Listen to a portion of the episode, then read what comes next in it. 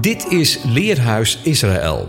Met elke week de bespreking van een gedeelte uit de eerste vijf boeken van de Bijbel. De presentator van deze week is Arnold Visser.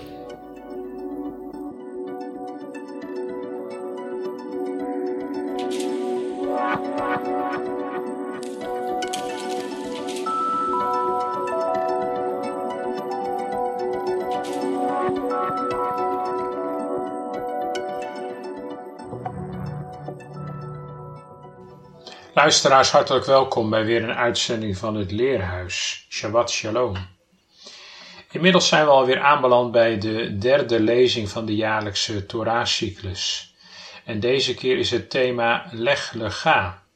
In het Hebreeuws staat dat voor ga of vertrek. Letterlijker nog, ga voor jezelf. Voordat we daar verder naar gaan kijken, geef ik u de schriftgedeelten die bij de parasha horen. De Torahlezing is uit Genesis, Bereshit 12 vers 1 tot 1727. De Haftarah-lezing is uit Jesaja 40, 27 tot 41, 16. En de Tweede Testamentlezing is uit Romeinen 4. De parasha vertelt onder andere de verhalen van de roeping van Abraham. En het gaat over zijn tijdelijke verhuizing naar Egypte vanwege de hongersnood. Maar ook de leugen vanwege Sari's schoonheid aan Farao, met alle gevolgen van dien. We staan ook stil bij het verdelen van het land tussen Abraham en Lot. De oorlog tussen de vier koningen en het verbond met de ene worden beschreven. En Sari's spanningen met haar dienstmeisje Hager en de geboorte van haar zoon Ismaël. Ook het verbond van de besnijdenis is een onderdeel van deze parasha. In Bereshit, Genesis 12, vers 1 staat: Dan zegt de ene tot Abram: Ga jij, legle ga, zou je kunnen zeggen nu. Ga voor jezelf, ga weg uit je land, uit je geboortetent en uit het huis van je vader naar het land dat ik je zal doen zien. Ik zal je maken tot een groot volk, ik zal je zegenen, ik zal groot maken jouw naam. Word een zegen. Ik zal zegenen wie jou zegenen en wie jou verwenst zal ik vervloeken. Door jou zullen gezegend zijn alle families op de bloedrode grond. Ik geef u ook de net in ontvangst genomen door de koning nieuwe Bijbelvertaling 21, waar staat: De Heer zei tegen Abraham: Trek weg uit je land, verlaat je familie, verlaat ook je naaste verwanten en ga naar het land dat ik je zal wijzen. Ik zal je tot een groot volk maken, ik zal je zegenen, je naam veel aanzien geven, een bron van zegen zul je zijn. Ik zal zegenen wie jou zegenen, wie jou vervloekt zal ik vervloeken. In jou zullen alle volken op aarde gezegend worden. Nou, u bemerkt het wel, er zitten wel wat verschillen in, maar de kern is toch wel gelijk gebleven. In de eerste twee parasha's hebben we kennis gemaakt met de schepping van hemel en aarde en de geschiedenis van Noach en de ark. Bijna twee eeuwen wereldgeschiedenis zijn voorbij gegaan. Tien generaties, Toledot sedert Noach. En de mensheid is opnieuw geestelijk omlaag gezakt. In het jaar 1948 naar de schepping, een jaartal dat ons vanuit de vorige eeuw bekend in de oren klinkt, wordt Abram geboren. Op 75-jarige leeftijd komt de roeping van de ene tot de eerste van de drie aartsvaders. De stem van de ene komt tot hem met de boodschap om zich los te maken van de wereld om zich heen. Die stem komt te midden van een kakofonie van stemmen. Opgravingen op de plaats van Ur der Galdeeën geven een duidelijk beeld van die tijd, Abrahams geboortegrond. De stad herbergde een kwart miljoen inwoners een polytheïsche gemeenschap. Oude teksten leveren maar liefst 5000 Sumerische goden. Ieder huis had zo'n beetje zijn eigen god, kapel of altaar. In deze wereld en uit deze wereld wordt Abram door de ene weggeroepen. Leg, lega. In fases, zo lijkt het. Eerst met zijn vader naar Haran, op de grens van Turkije en Syrië ligt dat, en van daaruit verder geroepen. Leg, lega. Deze woorden geven de essentie weer van de parasha. Leg de gebiedende wijs van het werkwoord la leget, hetgeen ga of gaan betekent. En lega kan vertaald worden met tot of naar jezelf. Leg lega wil dus zeggen ga tot jezelf of tot je essentie. En ieder van ons heeft tijdens zijn leven de gelegenheid om te ontdekken wie de ene is. Rashi schrijft bij de woorden leg lega, ga voor jouw voordeel, jouw welzijn. En daar, op die andere plaats, zal ik je tot een groot volk maken. Hier waar je nu bent, heb je niet de gunst om kinderen voor te brengen. Er wordt wel eens gezegd: een reis van duizend kilometer begint met een eerste stap. Dat was zonder twijfel zo voor Abraham, in wiens leven we geïntroduceerd worden. Zoals bij vele personen uit de schrift ontvangen we geen boekdelen van achtergrond over hem. Het lijkt wel alsof het leven voor hem pas begint bij een ontmoeting met de stem en de persoon van de Almachtige. Wanneer wij terugkijken naar ons leven, kunnen we ons op een bepaalde manier vast wel in dit concept vinden. Ons leven was eigenlijk een gesloten boek totdat we Hem ontmoeten. Het moet ongeveer zo zijn gegaan toen Abraham de wereld waarin hij leefde aanschouwde, hij tot de vaststelling kwam dat er meer moet zijn geweest tussen hemel en aarde dan de afgoden waartussen hij opgroeide. Want wanneer de ene voor het eerst aan hem verschijnt en zegt dat hij zijn land moet verlaten, zijn familie en het huis van zijn vader, en naar een onbekend land moet reizen, waar de ene hem tot een groot volk zal maken, gehoorzaamt hij zonder tegenspraak. Het gaan, het lopen, symboliseert een situatie van vooruitgang en stijging, dit in tegenstelling tot stilstand en achteruitgang. Ook al gebeuren er zaken in deze parasha die een daling aanduiden, bijvoorbeeld de hongersnood in Canaan en de daarmee gepaard gaande afdaling naar Egypte, toch moeten wij goed onthouden dat elke daling noodzakelijk is voor een stijging, gelijk aan een wiel dat telkens ook naar beneden draait om verder te komen.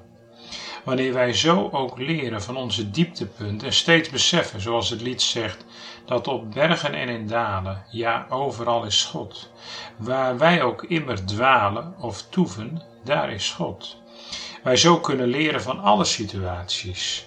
Zo was ook elke daling goed voor Abraham. Hij kwam immers rijk gezegend en volgeladen weer terug in Canaan. Door die stap te zetten, leg lega.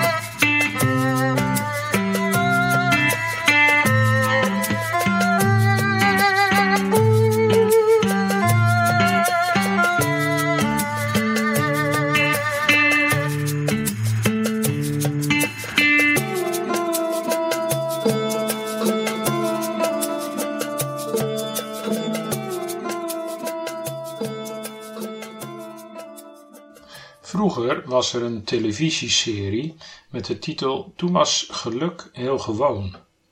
Nu zouden we ervan kunnen maken Toen was geloof heel gewoon.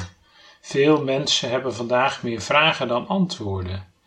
Bij Abraham zien we echter het tegenovergestelde. Hij ging in geloof zijn weg. Hij neemt daar zelfs de eerste plaats in, want Abraham wordt gekenmerkt als de vader van alle gelovigen. Hebreeën 11, het zesde vers zegt: Door geloof ging Abraham toen hij geroepen werd, gehoorzaam op weg naar een plaats die hij in bezit zou krijgen, en hij ging op weg zonder te weten waarheen. Dit geloof is een voorbeeld voor ons. Wat is dit voor geloof? Het heeft in ieder geval alles te maken met op weg gaan, op weg zijn en op weg blijven. Een Engelse uitdrukking zegt: We make the road by walking. In het Tweede Testament lezen we, vind ik eigenlijk de mooiste benaming voor de volgelingen van Yeshua.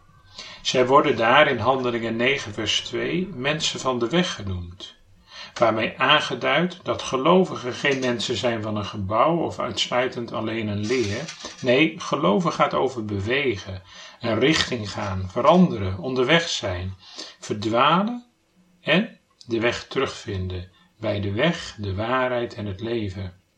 De roeping van Abraham is het basisverhaal voor iedere gelovige. Het doorbreekt in zekere zin de Toledots. Dit is de geschiedenis of de geboorte van. Nee, aan het begin van zijn levensverhaal staat: De Heer zei tegen Abraham. De ene spreekt net als in Genesis 1, vers 3. Er gebeurt iets heel nieuws. Wat gebeurde er eigenlijk? Het staat er heel sober. Stefanus vertelt later toen Abraham, de vader van ons volk, nog in Mesopotamië woonde, voordat hij zich in Haran vestigde, verscheen de een in al zijn luister aan hem. Geloven blijkt te zijn zijn stem horen en vertrouwen, alles loslaten en een onbekende toekomst tegemoet gaan. Er zijn ook beloften, drie: een land ontvangen, een nageslacht en zegen. Heel de geschiedenis van de eeuwig en zijn kinderen is er een van het op weg gaan en zijn naar de vervulling van deze belofte. Gezegend worden om een bron van zegen te zijn. Wij zijn mensen van de weg. Alle kinderen van Abraham mogen delen in die zegen. Het verbond met Abraham, zijn vriend, bevestigt hij van kind tot kind. Hij krijgt van de eeuwige een overvloedige belofte van zegen. We zitten nog behoorlijk aan het begin van de Bijbel in Genesis 12, maar er is al een paar keer eerder sprake geweest van zegen. In Genesis 1 zegent de ene alle levende wezens in het water met de woorden: Wees vruchtbaar en word talrijk. En hij zegent ook Adam en Eva met soortgelijke woorden. Verder zegent de Heer de zevende Sabbatdag, die hij heilig verklaart. Hij zegent ook Noach en zijn zonen, alweer met de woorden over vruchtbaar zijn en talrijk worden. En in Genesis 5, vers 1 en 2 lezen we: Toen hij Adam schiep, de mens, maakte hij hem zo naar zijn beeld. Mannelijk en vrouwelijk schiep hij de mensen. Hij zegende hen en noemde hen mens toen zij werden geschapen. En als we de lijn verder doortrekken vanuit het begin van Genesis, dan mogen we ook bedenken dat de Christuszegen, de geboorte van Yeshua, onlosmakelijk verbonden is geweest met dat vruchtbaar zijn en talrijk worden. Alleen zo kon de zoon als mens op aarde worden geboren. Toch ligt daar niet de kern van de zegen waarmee de Heer ons wil zegenen. Dan zouden mensen zonder kinderen of met weinig kinderen niet gezegend zijn. En dat is natuurlijk niet waar. De kern van de zegen is veel meer dit: dat de ene met je is, dat je in zijn tegenwoordigheid mag leven, dat hij je telkens weer in zijn aanwezigheid wil brengen, dat je beelddrager mag zijn, dat hij zijn gelaat naar je toewendt en je vol genade en liefde aankijkt. En nu krijgt Abraham te horen dat hij weg moet trekken uit zijn vertrouwde omgeving, weg uit zijn land en bij zijn familie vandaan, om naar een nieuw land te gaan. En zo, langs die weg, gaat de Heer Abraham zegenen. Abraham kan dus niet gezegend worden als hij blijft in het land waar hij toe, toen woonde. We verbinden dat met wat Petrus zegt tegen de mensen die naar zijn Pinkstertoespraak hebben geluisterd. Wat moeten we doen, broeders? En Petrus zegt: Keer u af van uw huidige leven, omdat de ene een veel beter leven in gedachten heeft, een gezegend leven, een leven in zijn tegenwoordigheid. Gezegend zijn betekent voor alles dat je dicht bij de Heer leeft. Zo is dat voor Abraham en zo kan hij ook een bron van zegen worden. Belangrijk om dat goed te zien. Pas als je zijn zegen ontvangt en er ontvankelijk voor bent, pas dan kun je een bron van zegen worden. Ik zal je zegenen, ik zal je aanzien geven, een bron van zegen zul je zijn. Niet andersom dus, dat hij je pas zegent als je een bron van zegen bent. Dat is een gedachte die zomaar post kan vatten. Als ik mooie dingen doe, dan zal hij me daar wel voor zegenen. Opvallend is dat het woord zegen in deze paar versen zo vaak wordt genoemd, maar liefst vijf keer. Het getal vijf is niet zonder betekenis. Het wordt wel het getal van de genade genoemd, een getal ook van volheid. Pinksteren valt bijvoorbeeld op de vijftigste dag na Pasen, dat is tien keer vijf. De genade op basis van Pasen wordt op Pinksteren volgemaakt. Vijf is het getal van de boeken van de Torah. En vijf is ook het aantal vingers aan een hand. Voor nu is het interessant de verbinding tussen Genesis 12 en Genesis 1. Daar wordt namelijk vijf keer het woord licht gebruikt. Er staat er moet licht komen en er was licht en de ene zag dat het goed was. En de scheidde het licht van de duisternis. Het licht noemde hij dag, de duisternis noemde hij nacht. Genesis 1 staat voor een nieuw begin. En dat geldt ook voor Genesis 12. De ene gaat een nieuw begin met de mensen maken door Abraham uit te kiezen. Beide keren wordt dat begin gemarkeerd door een vijfvoudigheid, vol genade, licht en zegen. En als we dat met elkaar verbinden, dan zou je kunnen zeggen: gezegend ben je als je wandelt in het licht. Een bron van zegen ben je als je licht uitstraalt. En de woorden van Yeshua komen dan opnieuw tot leven.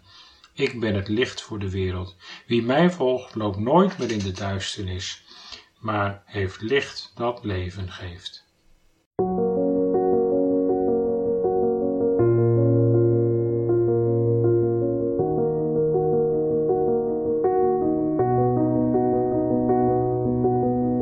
Keep fighting voices in my mind that say I'm not enough.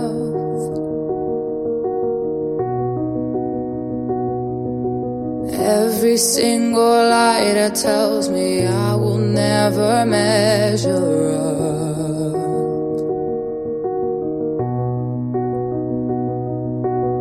Am I more than just a sum of every high and every low?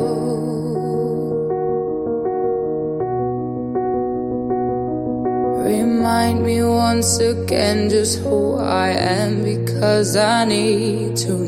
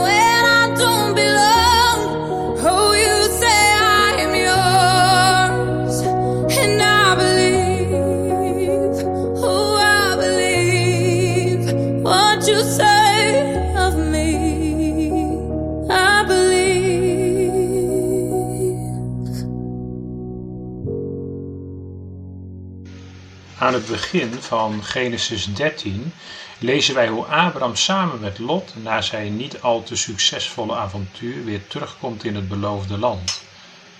Beide mannen zijn ondertussen behoorlijk gezegend middels een aardige veestapel en die moet natuurlijk gevoed worden.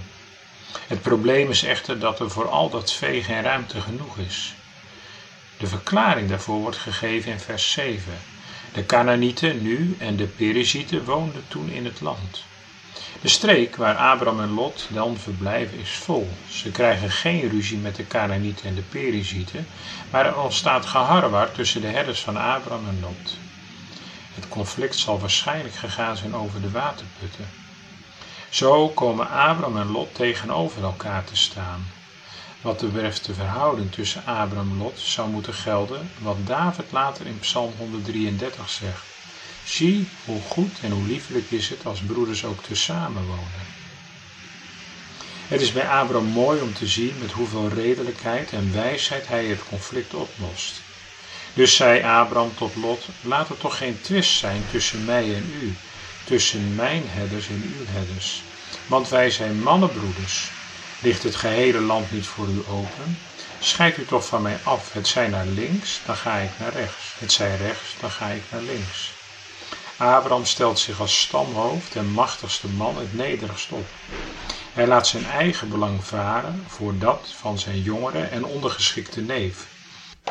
Wij zien hier in Abraham een beeld van Yeshua, die zijn heerlijkheid en macht aflegde en zich vernederde voor ons. Lot gaat hier minder goed mee om. Hij grijpt zijn kans en kiest zelfs het schijnbaar beste deel van het land. Allereerst had hij vanuit Oosters gebruik zijn oudere oom en stamhoofd Abraham de keuze moeten laten. Maar Lot wordt zo verblind door hebzucht dat hij deze fatsoensregel vergeet en zo in wezen zijn familie minacht. Gelukkig laat Abraham zich op een later moment niet door wraakzucht leiden wanneer Lot in de problemen komt als hij door de troepen van Kedorlaomer gevangen wordt genomen. Sterker nog, Abraham is dan zelfs bereid om zijn eigen leven op het spel te zetten voor zijn neef. Naast hebzucht laat Lot zich ook door zijn ogen leiden. Toen sloeg Lot zijn ogen op en zag dat de gehele streek van de Jordaan rijk aan water was, voordat de Heere Sodom en Gomorra verwoest had. Was hij tot Zoar toe als de hof des Heeren, als het land Egypte. Dus koos Lot voor zich de gehele streek van de Jordaan. Maar wat Lot niet zag, maar waarschijnlijk wel wist, is dat achter die prachtige, uiterlijke schijn niet veel goed schuilt. De mannen van Sodom nu waren zeer slecht en zondig tegenover de Heer. Zo maakt Lot zijn keuze. Na enige tijd echter volgt ramp op ramp. Eerst wordt Lot gevangen genomen door Kedorlaomer en moest hij bevrijd worden door Abraham. Daarna moet hij uit Sodom vluchten en verliest hij al zijn bezittingen, inclusief zijn vrouw en schoonzoons. Tot slot belandt hij in een grot. Er staat, en Lot trok op uit Soar en vestigde zich met zijn beide dochters op het gebergte, want hij durfde niet in Soar te blijven. En hij ging wonen in een spelonk, hij met zijn beide dochters. Lot kiest ervoor, als hij van Abraham scheidt, om aan de rand van het beloofde land te gaan wonen. Uiteindelijk is de consequentie hiervan dat hij buiten komt vallen. Het wordt allemaal nog triester als de dochters van Lot gelasgemeenschap met hem hebben, bij gebrek aan huwbare mannen. Uit dit incestueuze contact komt uiteindelijk de volken voort die later Gods verbond en zelfs tegenover Israël komen te staan, de Moabieten en de Ammonieten. Het is het laatste wat wij in Genesis vernemen van Lot. Zo loopt het niet goed af met Lot, omdat hij op zijn ogen afging en zich liet leiden door hebzucht. Aan het begin van Genesis zien we overigens dat dit ook aan de basis ligt van de zondeval en daarmee van heel veel zonden. In Genesis 3, vers 6 lezen we namelijk het volgende. En de vrouw zag dat de boom goed was om van te eten, en dat hij een lust was voor de ogen, ja, dat de boom begeerlijk was om daardoor verstandig te worden. En zij nam van zijn vrucht en at, en zij gaf ook aan haar man, die bij haar was, en hij at. In het vers ervoor vinden wij voor de eerste maal het Hebreeuwse woord voor ogen terug in de Bijbel. De slang echter zeide tot de vrouw, gij zult geen zin sterven. Maar de ene weet dat ten dagen dat gij daarvan eet, uw ogen geopend zullen worden, en gij als God zult zijn, kennende goed en kwaad. Een veelzeggend vers is dit. De ogen van de mens gingen open, maar dan vooral voor het kwaad. Tegelijkertijd kwam er ook een bedekking op zijn gezicht voor de goede dingen van de ene. De mens moest de hof van Ede verlaten. Die bedekking vinden wij overigens ook terug in de geschiedenis van Lot. Zijn naam betekent zoveel als bedekking, sluier. Lot dacht het allemaal wel helder te zien toen hij naar het oosten keek, maar uiteindelijk is zijn gezicht vertroebeld door de hebzucht. Hij kijkt niet verder dan dit leven, van wat hier te winnen valt. Dit is kenmerkend voor de mens van deze wereld. Het begon al in de Hof van Eden, waar Adam en Eva alleen zagen wat voor ogen was en het doel vergaten namelijk de goede schepping leiden naar het moment van zijn volmaaktheid. Tot in deze tijd, daar zien we het ook terug, waar het kapitalisme regeert, duurt het egocentrisme bij de mens voort en is zijn gezicht bedekt voor de dingen van de eeuwige. Wanneer wij zo naar de geschiedenis van Lot kijken, dan valt nog iets op. We zien Lot eerst rondtrekken door Canaan, dan zet hij zijn tenten op bij Sodom en uiteindelijk zien we hem in de poort van Sodom zitten. Hij is een belangrijk man geworden in een goddeloze stad, maar daarmee tegelijkertijd ook het tegenovergestelde van de man uit Psalm 1. Welzalig de man die niet wandelt in de raad der goddelozen, die niet staat op de weg der zondaars, nog zit in de kring der spotters. Het gevolg is ook dat hem het tegenovergestelde overkomt van de rechtvaardige man uit Psalm 1. Hij draagt geen vrucht en uiteindelijk loopt zijn leven op niets uit. Is daarmee alles gezegd over Lot? Nog niet, want elders in 2 Petrus 2, 7 en 8 valt iets merkwaardigs te lezen. Maar de rechtvaardige Lot werd gekweld en had zwaar te lijden door de losbandigheid die hij dagelijks zag van de tegen de wet ingaande werken. De ene ziet Lot niet in het vlees aan, maar in zijn geloof staat. De ene ziet niet aan wat voor ogen is, maar ziet vanuit de genade van Christus het hart aan. Waar wij bij Lot zagen dat hij zijn eigen weg ging, daar zien wij Abraham dat hij dit in afhankelijkheid van de Heere doet. Hij laat zich leiden door waar de Heere hem toe roept en wat hij hem belooft. Lots keuze voor het beste deel lijkt hem veel op te leveren, maar uiteindelijk verliest hij zo'n beetje alles. Abrahams keuze om genoegen te nemen met het minste deel resulteert in een belofte van de Heer voor de toekomst, waarin hij rijk gezegend wordt. En de Heere zeide tot Abraham, nadat Lot zich van hem gescheiden had, Sla toch uw ogen op en zie van de plaats waar gij zijt naar het noorden, zuiden, oosten en westen, want het gehele land dat gij ziet zal ik u en uw nageslacht voor altoos geven. En ik zal uw nageslacht maken als het stof der aarde, zodat indien iemand het stof der aarde zou kunnen tellen, ook uw nageslacht te tellen zou zijn. Sta op, doorwandel het land in zijn lengte en breedte, want u zal ik het geven.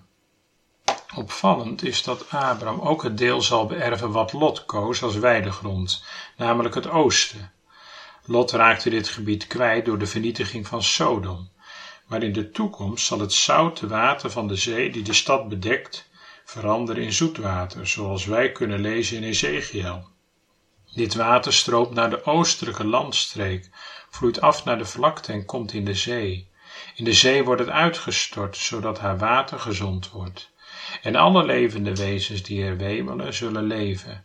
Overal waar de beek komt, en er zal zeer veel vis zijn, want als dit water daarheen komt, dan wordt het water van de zee gezond. Overal waar de beek komt, zal alles leven. Vissers zullen er langs gaan van Engedi tot En Egleem.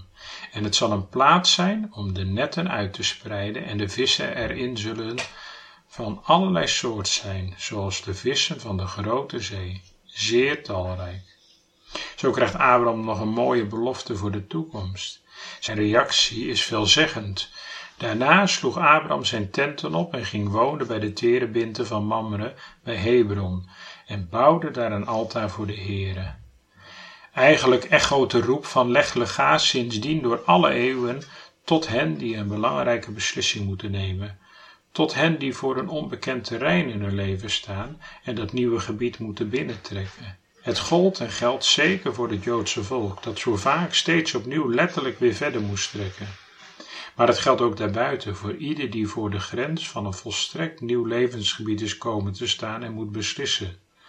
Dan is het goed om scherp te luisteren en te horen of er een stem zegt: leg lega, ga, kom tot je essentie. Misschien is het daarom tevoren dat er niets over Abram wordt meegedeeld in de Torah.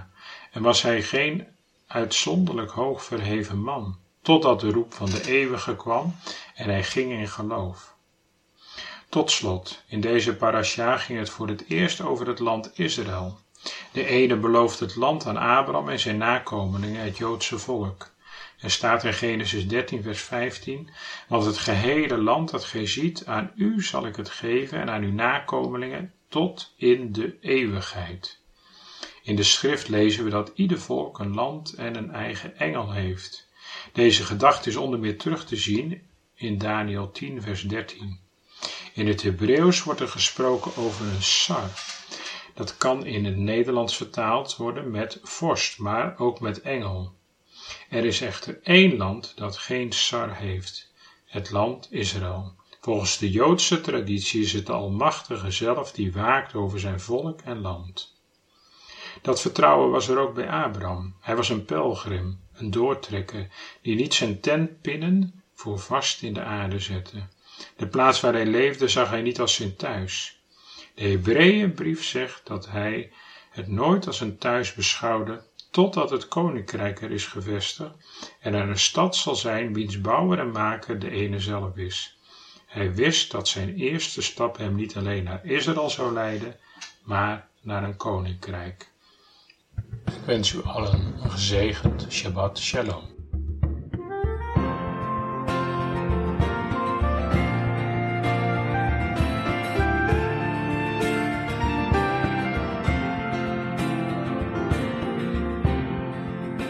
De steppen zal bloeien, de steppen zal lachen en juichen. De rotsen die staan vanaf de dagen der schepping, staan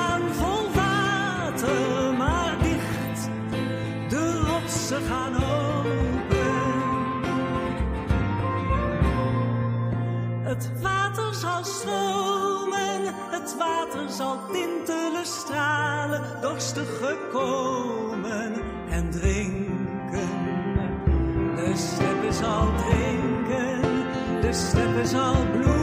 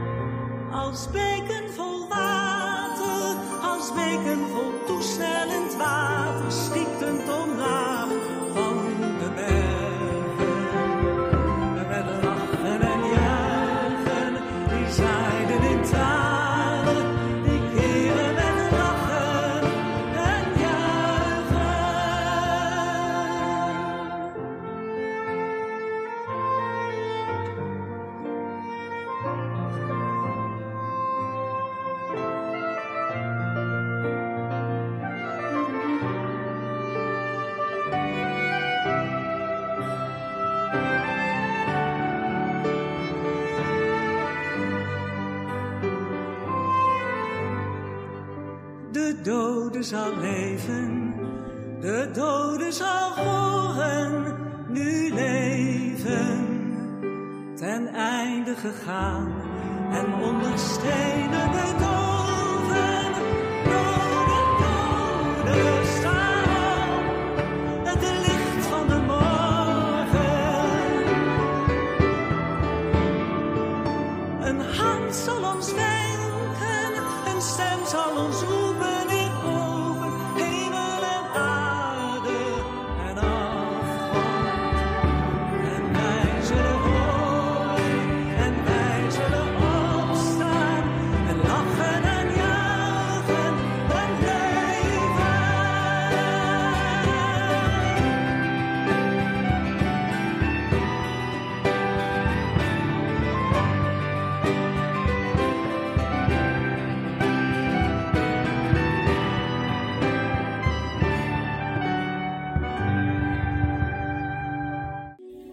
luisterde naar het programma Leerhuis Radio Israël. Een wekelijkse studie aan de hand van de Bijbelgedeelten die wekelijks door de Joodse gemeenschap worden gelezen. Heeft u een vraag of opmerking? Stuur dan een e-mail naar info-apenstaatje radioisrael.nl. Het leesrooster vindt u op onze website. Ga naar radioisrael.nl en klik onder het kopje radio op programma's.